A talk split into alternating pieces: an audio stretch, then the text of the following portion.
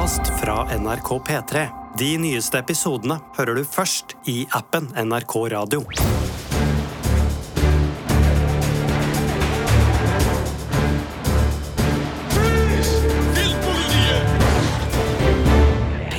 Velkommen til Filmpolitiet med Sigurd Vik, Birger Vestmo og Ingvild Dybføsdal, hvor vi i dag skal dundre løs på en av Netflix sine store dokumentarsuksesser de siste årene, nemlig Formel 1-serien Drive to Survive, som straks er klar med sin femte sesong. in Formula One, you need to be able to adapt.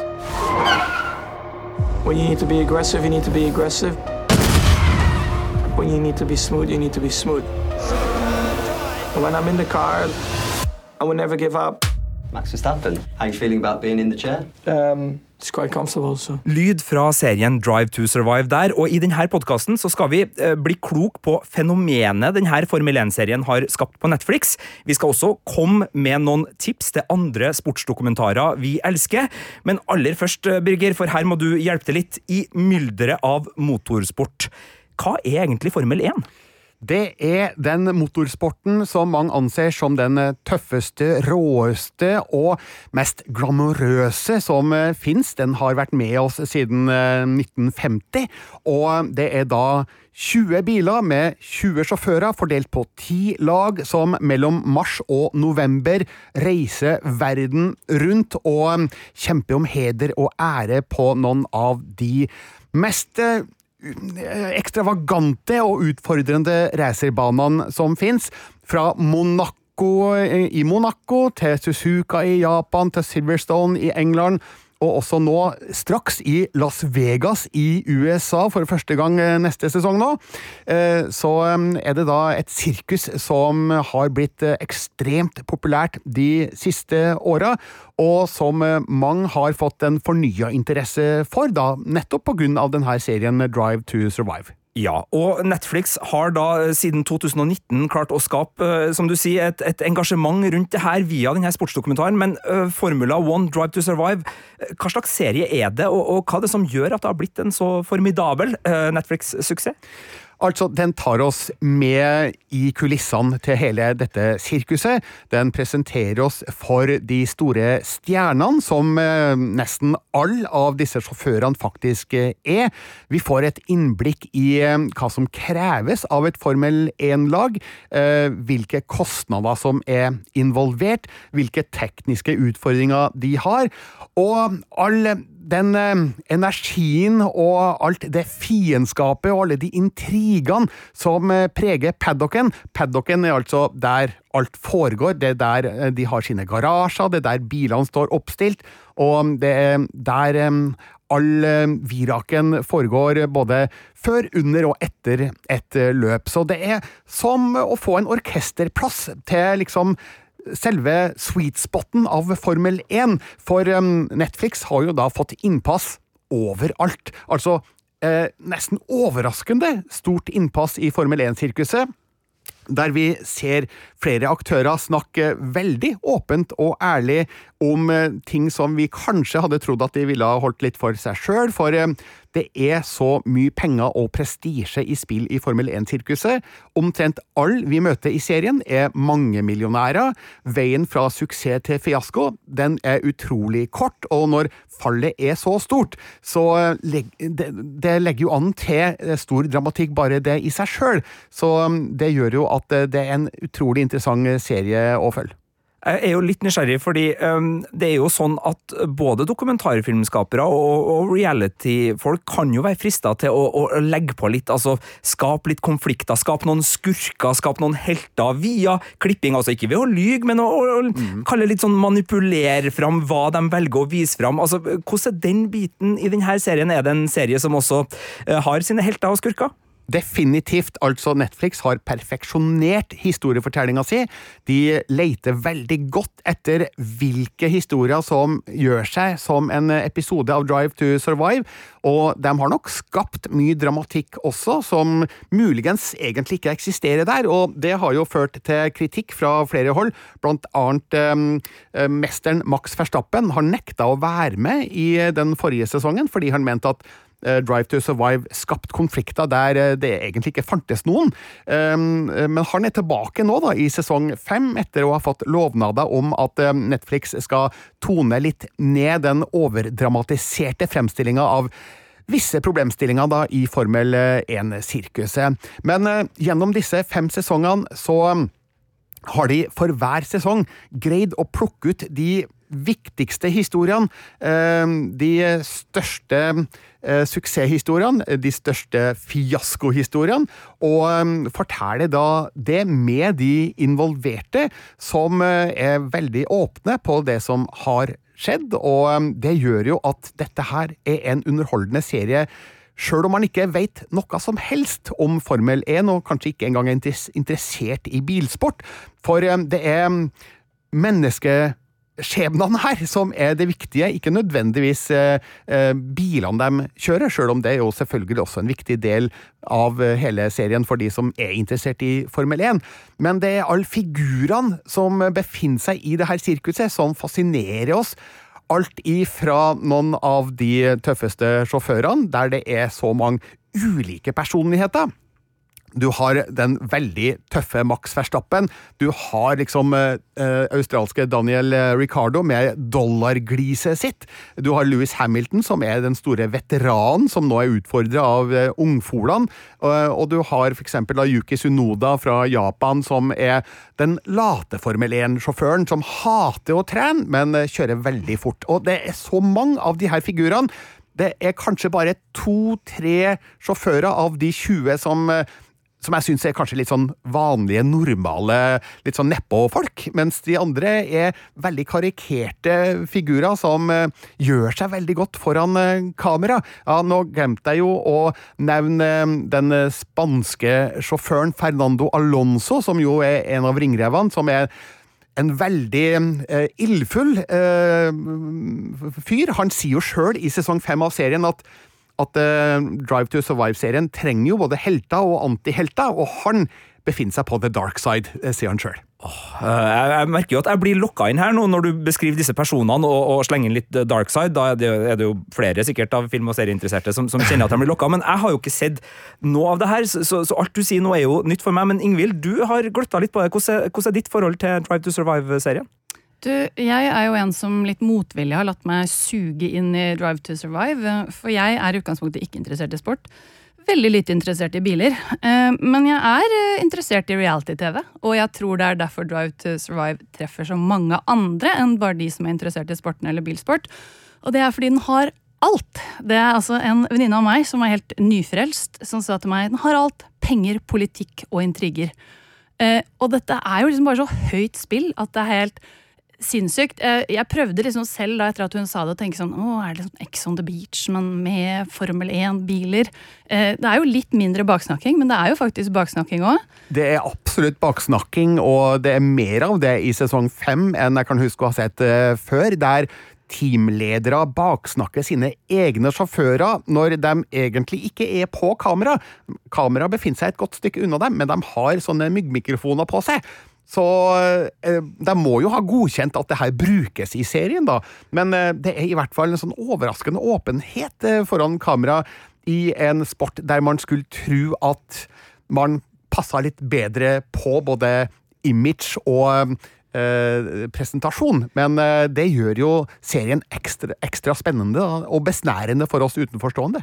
Ja, jeg satt jo og tenkte på dette underveis når jeg ser på den. For jeg har Drive to Survive som en av det jeg kaller mine bakgrunnsserier. Det vil si at de står på når jeg bretter tøy eller lager mat eller noe sånt. Nå. Og så det som skjer med Drive to Survive, er at innimellom må jeg bare stoppe opp. Fordi det er et eller annet superspennende løp eller det er en ulykke, eller det er et eller annet sånn crunch time på om noen skal forlate et lag eller komme på et nytt lag.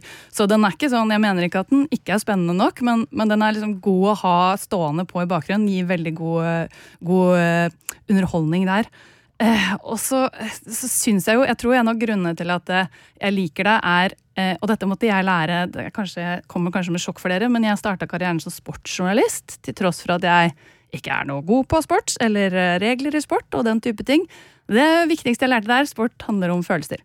Altså, Drive to Survive handler om følelser, og det jeg tror jeg er derfor det fenger.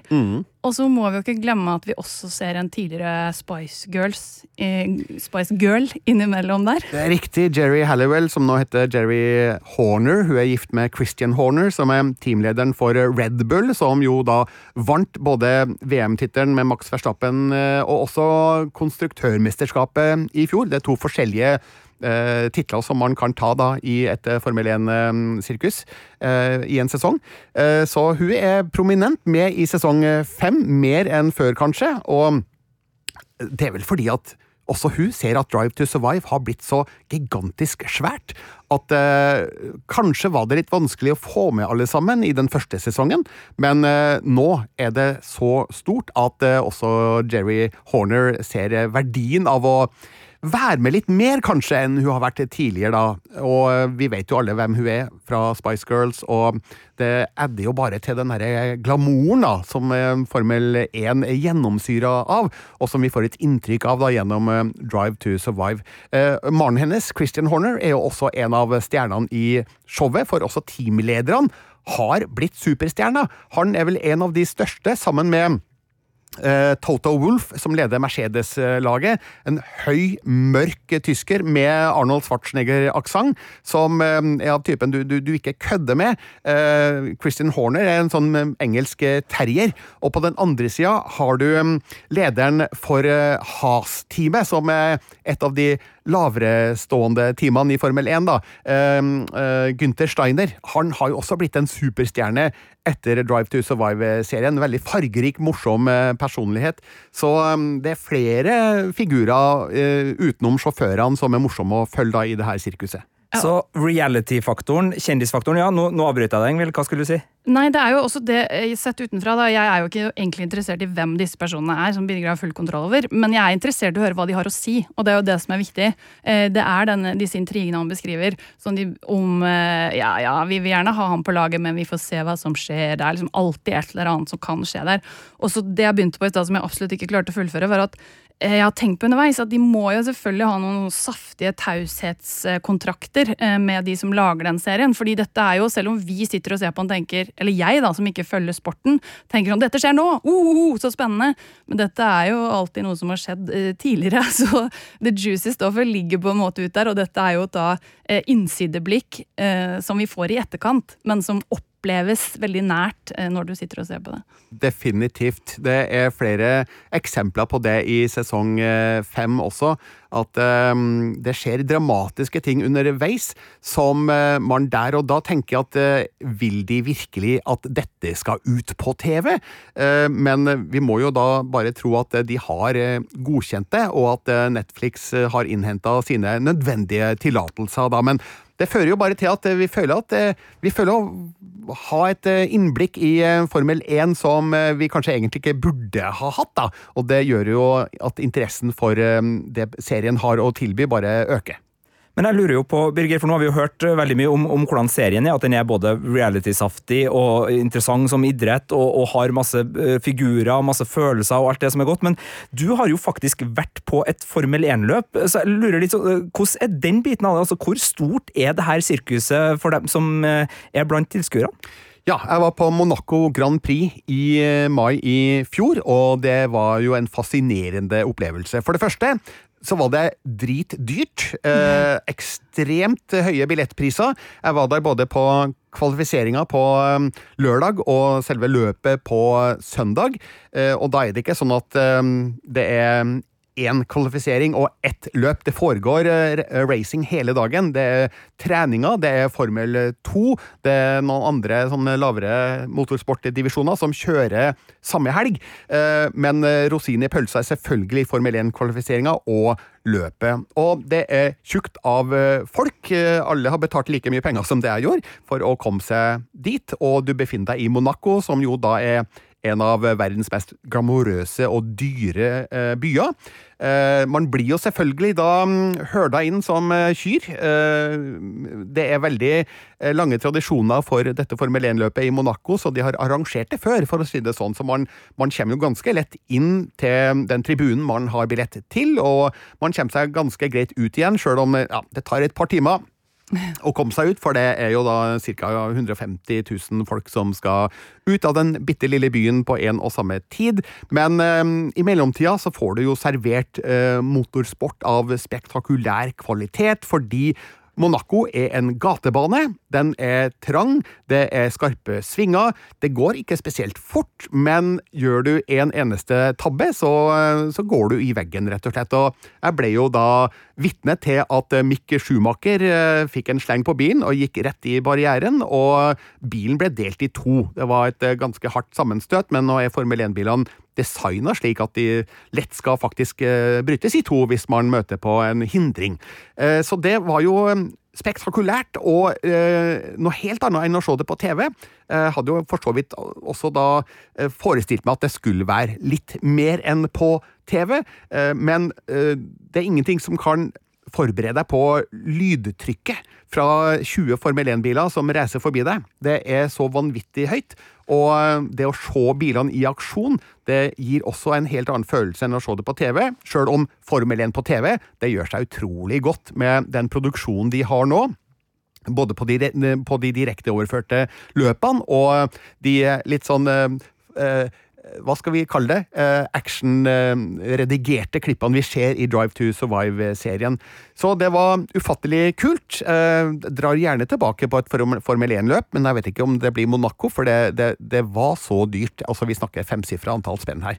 Så mm, det, det, er ikke, det er ikke for de som må spare til smøret på brødskiva. Man må ha litt overskudd, og se på det som en sånn once in a lifetime-opplevelse. I hvert fall så tror jeg det blir det for min del. Men jeg får jo også inntrykk av, eh, for jeg fulgte jo litt med da du var der, altså at det er en sånn happening også eh, blant eliten. altså At det er mye kjendiser som kommer på disse løpene, og at det er et, et sirkus også utenomsportslig? Ja, altså um, i løpet av den forrige sesongen så så jeg flere kjendiser som sprada rundt i paddocken i de ulike løpa. altså Eh, Tom Cruise var til stede eh, i England, på Silverstone. Conor McGregor han eh, var også med på et løp i altså Han var til stede i Monaco, og David Beckham har vist seg frem. I hele tatt, kjendisene flokker seg til disse Formel 1-løpa, spesielt nå som de vet at de kan få litt ekstra eksponering der. Og i sesong fem av Drive to Survive ser vi også Kygo som var til stede, og han spilte jo konsert på et løp i USA. Så um, det er, det er stjernespekka både på og utafor banen, og det gjør det jo ekstra spennende å se på det her, for um, det er så glamorøst, det er spennende, og um, eh, det er så stor prestisje involvert, og så mye penger involvert, at eh, Drive to Survive-serien det blir noe annet enn Mesternes mester, altså. altså Mesternes mester er en utrolig bra serie, skal ikke si noe stygt om det, men um, det blir ikke helt den samme prestisjen allikevel da, som uh, å se et Formel 1-løp uh, skildra gjennom Drive to Survive. Men om jeg skal komme med en liten kalddusj her, da, så er det jo noe av det som også gir meg en litt sånn emmen-smak i munnen eh, ved hele sirkuset der. Og det er jo at eh, hvis vi skal sette det helt på spissen, så er det jo en ekstremt rikmannssport. Hovedsakelig hvite menn med, dy eh, med dyrepappaer, holdt jeg på å si. Unge menn med rike pappaer. Eh, og, og, ikke minst så er det så mye, det så mye sant, oljepenger involvert. det er masse løp i land som vi normalt ville hatt en diskusjon om hvorvidt vi burde ha arrangementer i. Eh, så det, er, det, her er jo den helt andre siden ved det. Og jeg tror jo det er et sjakktrekk for sporten eh, at de har kjørt på med Drive to Survive, fordi det ufarliggjør det her. Eh, det får det til å virke nesten folkelig i den grad en sport med så mange milliarder i omløp kan virke folkelig i det hele tatt. Ja, det har du helt rett i. og dette nevner ikke Drive to Survive i det hele tatt. Altså, de har jo et reiseopplegg som gjør at de, de flyr rundt kloden 3,3 eh, ganger i løpet av en sesong. Og um, det er ikke slik at de reiser fra kontinent til kontinent og, og gjør ferdig alle løpa der. Nei, de reiser frem og tilbake, hit og dit, hele sesongen. Slik at uh, det er noen enorme transportutgifter ute og går her. og Eh, spesielt miljøvennlig er det heller ikke, og um, pengene uh, rår, akkurat som i fotball. Så her er ikke Formel 1 nødvendigvis den klineste sporten som fins. Samtidig så foregår det en teknologisk utvikling i Formel 1 som jeg tror serien er enda mer ivrig etter å fremme. da. Eh, det som skjer i Formel 1 i dag, det kan vi finne spor av i bilene som vi kjører om fem til ti år, kanskje, f.eks. Så eh, det er, ikke, det er ikke helt halvgærent alt som skjer i Formel 1, men spesielt miljøvennlig er nok ikke sporten, det tror jeg vi kan bare fastslå. Sesong fem kommer jo på Netflix lørdag 25. februar, og nå er jeg jo selvfølgelig mest spent på om jeg kommer til å få se Birger Vestmo uh, i uh, TV-ruta der hjemme, og at han dukker opp. Men, men, Birger, du har jo sett på denne sesongen. altså uh, Hvordan er sesong fem sammenligna med det tidligere? Er det fremdeles en, en drivende god serie der? Ja, den er perfeksjonert til fingerspissene. De vet nøyaktig nå hva som funker og hva som ikke funker. I starten av den første episoden så blir Mercedes-sjefen Toto Wolff eh, Uh, han blir ikke spurt, han får en kommentar fra intervjueren om, som sier at uh, ja, vi liker å tro at vi lager en dokumentar, men Toto Wolff svarer nei, det her er ikke en dokumentar, det her er mer Top Gun enn en dokumentar. Mm. Og det har han helt rett i! Mens uh, Top Gun av regissør Tony Scott ble beskrevet som rock and roll in the sky, så er Drive to Survive rock and roll on the track. Altså, det er en um, forhøya fremstilling av hvordan Formel 1-sirkuset foregår med ekstremt eh, stilig fotografering, veldig kjapp og presis klipping, og ikke minst et uh, lydspor som er designa som uh, det er Mission Impossible, eller Top Gun. det er ikke nødvendigvis den ekte lyden fra banen du hører her, tror jeg, fordi jeg har hørt på Drive to Survive gjennom headset. Jeg så det underveis fra filmfestivalen i Berlin og, og, og hjem, før denne podkasten ble laga. Og det er så gjennomdesigna, det soundtracket, med uh, racing-lyder i alle kanaler og uh, ekstremt høye basseffekter. Og også da musikk som er henta fra eh, et eller annet spenningsfilmkartotek, kanskje. Jeg vet ikke. Eh, det er i hvert fall akkurat som om de skulle lage en Fast and Furious eh, actionsekvens, bare at den varer i 50 minutter og i ti episoder gjennom en hel sesong. Så um, det er, det er, ikke noe, det er ikke noe Der ingen skulle tro at noen kunne bue eh, fakter her. Altså, det er virkelig eh, strømlinjeforma og fartsfylt eh, så det holder. Men selv om det er så stilisert som det er, så greier de å fortelle de gode historiene. Altså, fra forrige sesong Eh, så handler det blant annet om eh, Ferrari, som hadde en utrolig kjapp bil, men som gjorde veldig mange strategiske feil eh, underveis i sesongen. Og det, derfor så er det jo litt Eh, litt eh, trist, egentlig, å, å, se alle de intervjuene med Ferrari-sjefen Mario Binotto, Eh, all den tid vi vet at han mista jobben etter sesongen. vi ser også Mercedes og alle de tekniske problemene de hadde med sin bil i fjor, der Louis Hamilton og George Russell sliter gjennom hele sesongen med en bil som rett og slett ikke funker som den skal. Vi får også et innblikk i dramatikken rundt den såkalte cost cap-skandalen. Jeg eh, skal ikke gå så veldig nøye inn på den, men det er sånn at alle lag i Formel 1-sirkuset de, de, har et uh, pengebeløp som de har lov til å bruke. De kan ikke overstige det beløpet. Så viste det seg at uh, Red Bull hadde brukt mer penger enn de hadde lov til, noe alle andre lag var lynende forbanna på, mens vi ser da hvordan Christian Horner i Red Bull avfeie det som tull. Ja, det var bare noe catering. så um, der er det veldig mange sånne punkter underveis da, som eh, Netflix-serien tar tak i, og lar aktørene diskutere om eh, foran kamera. Og eh, for oss som har fulgt Formel 1-sesongen, så er det jo skikkelig interessant å få direkte kommentarer fra de involverte om hva som egentlig skjedde, og hva de synes om det. Uh, og så kan det også være en, en, en god recap, da, eh, rett i forkant av den neste sesongen, som uh, starter om veldig kort tid nå senere denne måneden. Om jeg får være litt på kanten sånn avslutningsvis, så vil jeg si en ting som Birger glemte i likhetstrekk med Top Gun. Så er det jo at Drive to Survive også kan leses som en homoerotisk bromance. Er, vi får jo se førerne jogge rundt i bar overkropp og dynke seg selv i champagne, og ikke minst være veldig gode venner. Så her er det mange gode likhetstrekk man skal kose seg med. Ja, I sesong fem så ser vi annet eh, kameratskapet mellom eh, Yuki Tsunoda fra Japan og Pierre Gasly fra Frankrike, som eh, er teamkamerater, men underveis i sesongen så blir det klart at Gasly går over til et annet lag fra og med den kommende sesongen, og eh, det er jo en hel episode via til det vennskapet og eh, den sorgen, tror jeg, som Yuki Tsunoda faktisk føler på over at eh, kompisen forsvinner til et annet lag, og så får han en ny lagkamerat som heter Nick de Vries fra Holland, som eh, vi ser i serien åpenbart ikke har tenkt å komme inn i det laget som en nummer to-sjåfør, for det er kniving i hvert enkelt lag mellom de to sjåførene om hvem er egentlig sjefen på det laget. Eh, så her ligger det an til spenning i Drive to Survive sesong seks, når vi ser da hvordan det går med Sunoda mot eh, De Vries. Så det, det, er sånne ting da som gjør Drive to Survive så utrolig interessant da for oss som elsker Formel 1, og som også gjør det interessant for de som ikke har noe forhold til den sporten i det hele tatt. Som meg. Ja. Og, og meg, for, fordi det her er jo åpenbart en, en serie med mange attraksjoner, som, som, jeg da ikke har sett ei eneste bilderute av enda. Men eh, vi tenkte vi skulle undersøke litt blant eh, dere uh, fine uh, vennegjengen som, som, vi ser filmer sammen med, altså dere som hører på Filmpolitiets podkast. Så hvis du går i appen NRK Radio nå, så er det ei avstemning.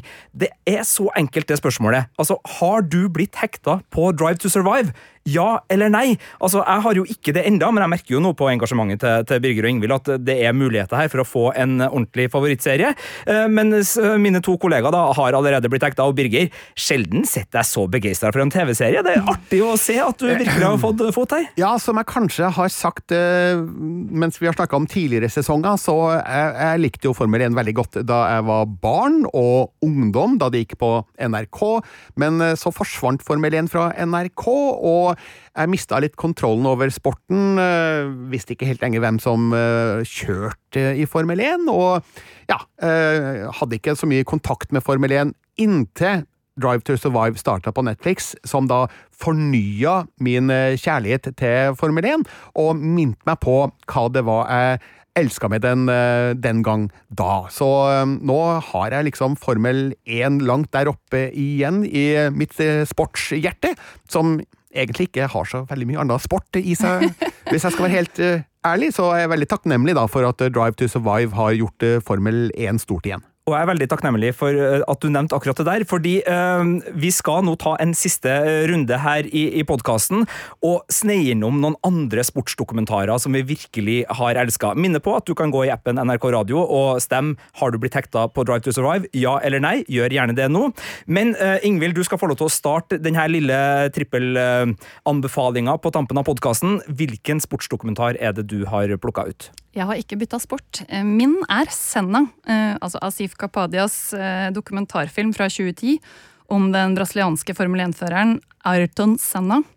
Han ble jo rakk å bli tre ganger verdensmester og vinne 41 Grand Prix-løp før han døde i 1994. Og det er ingen spoiler å si at han døde. Dette vet folk før de ser eh, filmen. Men eh, det som, er, det som, fascinerer meg eh, med denne filmen, er jo at vi må huske dette var lenge før Drive to Survive. Dette var mens Formel 1 fremdeles var en veldig lukka sport. Jeg tror den begynte å åpne seg opp etter at Liberty Media kjøpte Formel 1 i rundt 2016, at det skjedde en, en endring der. Men så det Asif Kapadia har klart her, er jo fått innblikk i Det er både masse, masse materiale som er fra familien til Ayrton, og det er også selvfølgelig masse nyhets- og behind the scenes-klipp som ikke har kommet fram før. Eh, og det han fikk ekstremt mye, mye skryt for etter denne filmen, var at eh, dette oppleves ikke som en sånn eh, dokumentar hvor du ser masse talking heads med eksperter som sitter i ettertid og forteller hva som har skjedd. Han har klippet den med en narrativ struktør, ikke struktør, men en struktur, som gjør at du sitter og føler at dette utfolder seg rett foran deg. Du kan liksom lukte på sagmuggen, selv om det er arkivbilder fra flere år tilbake. Eh, og den er bare så dramatisk eh, i liksom både eh, det at du har Sennas personlige drama, hans ambisjoner, og der òg, det som jeg faktisk tror Drive to Survive har rippa fra Kapadia, men du viser også konflikten mellom førerne. Også det strukturelle dramaet som finnes der med, med politikken i sporten, som får nesten Fifa til å fremstå som en liten søt gutteklubb.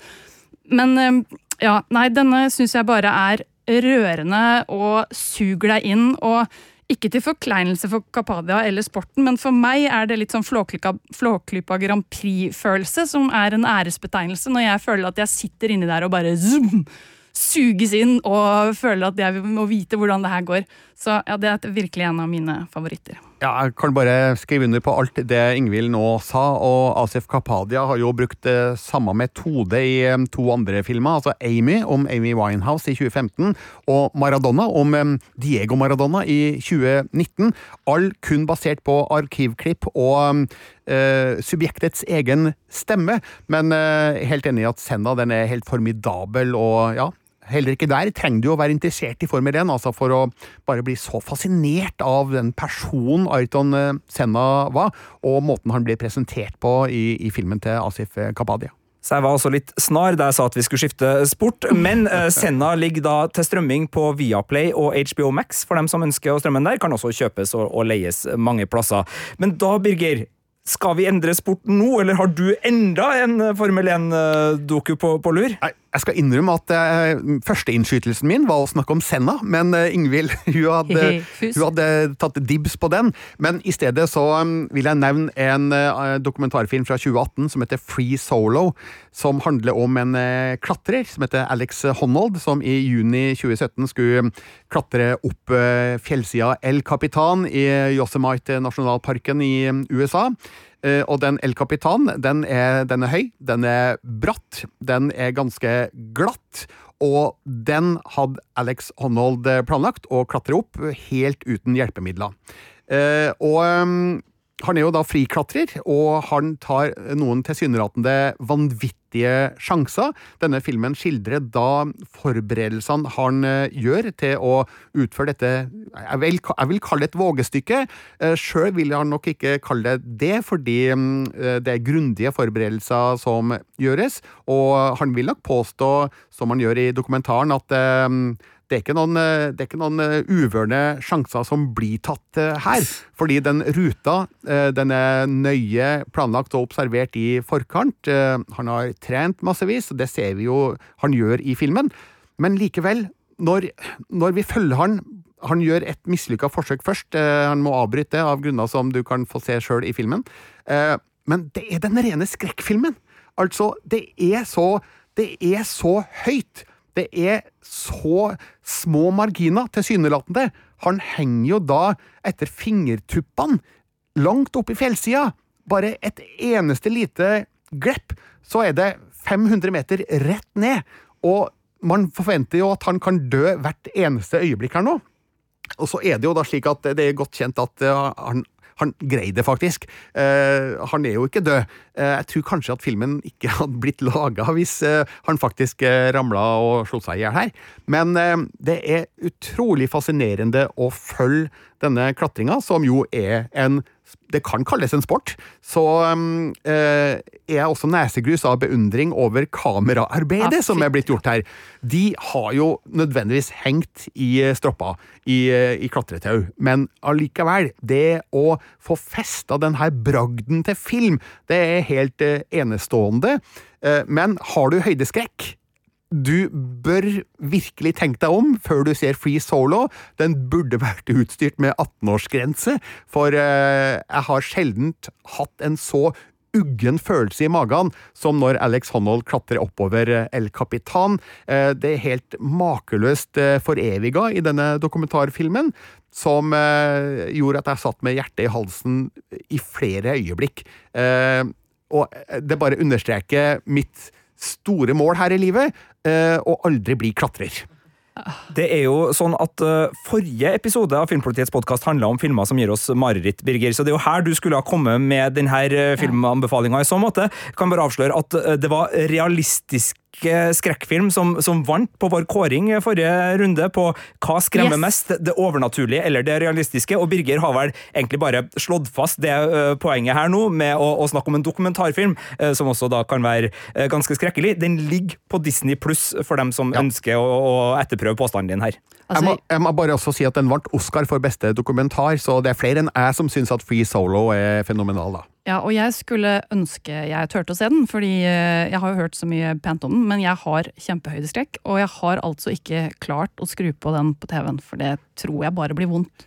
Nei, den, ja, den er altså dritskummel. Så eh, det, det er gode grunner til at du kanskje bør tenke deg om det før du ser den, Ingvild.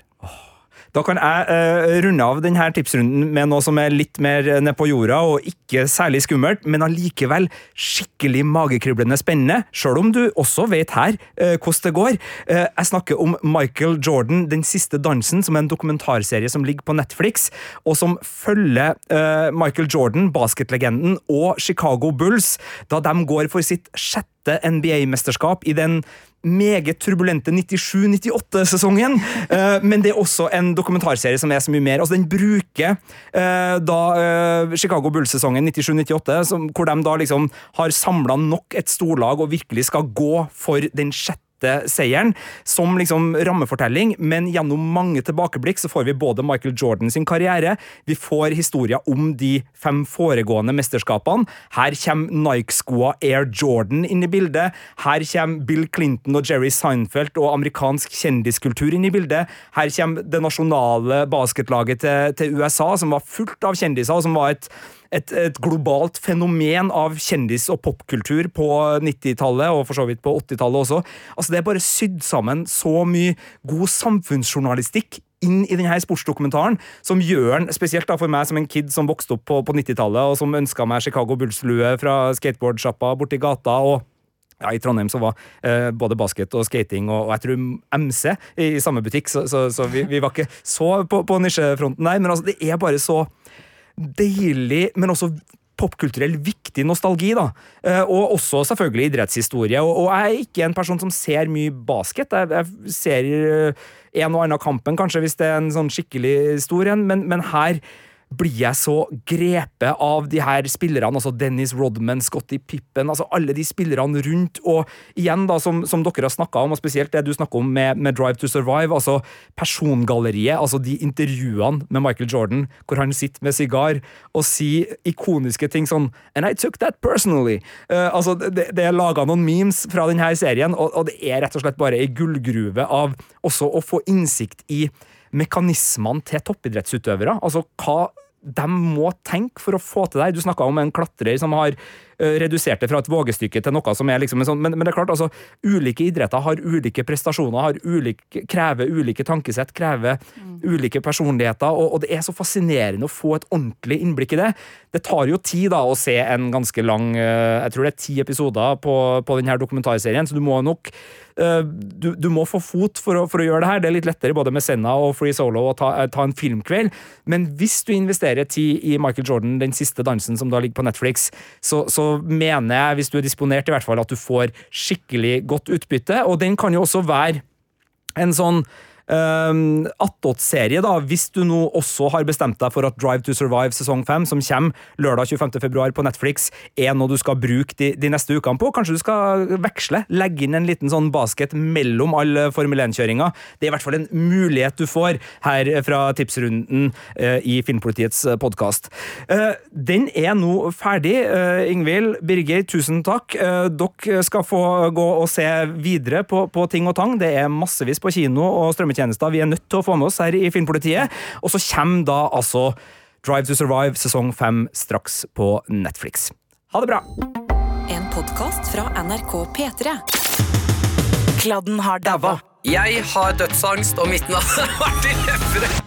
En ny humorpodkast om døden. Ja, Martin Lepperød her, som kan fortelle deg at jeg har dødsangst, og at jeg da i, i den anledning har laget en ny humorpodkast om døden. Så hvis du kjenner litt på at sånn, å, jeg også har litt dødsangst, da er dette podkasten for deg. Her skal vi gjøre døden om til noe hyggelig, morsomt og artig å prate om, istedenfor at det skal være så tungt og trist og skummelt. Kladden har daua. Hør alle episodene kun i appen NRK Radio.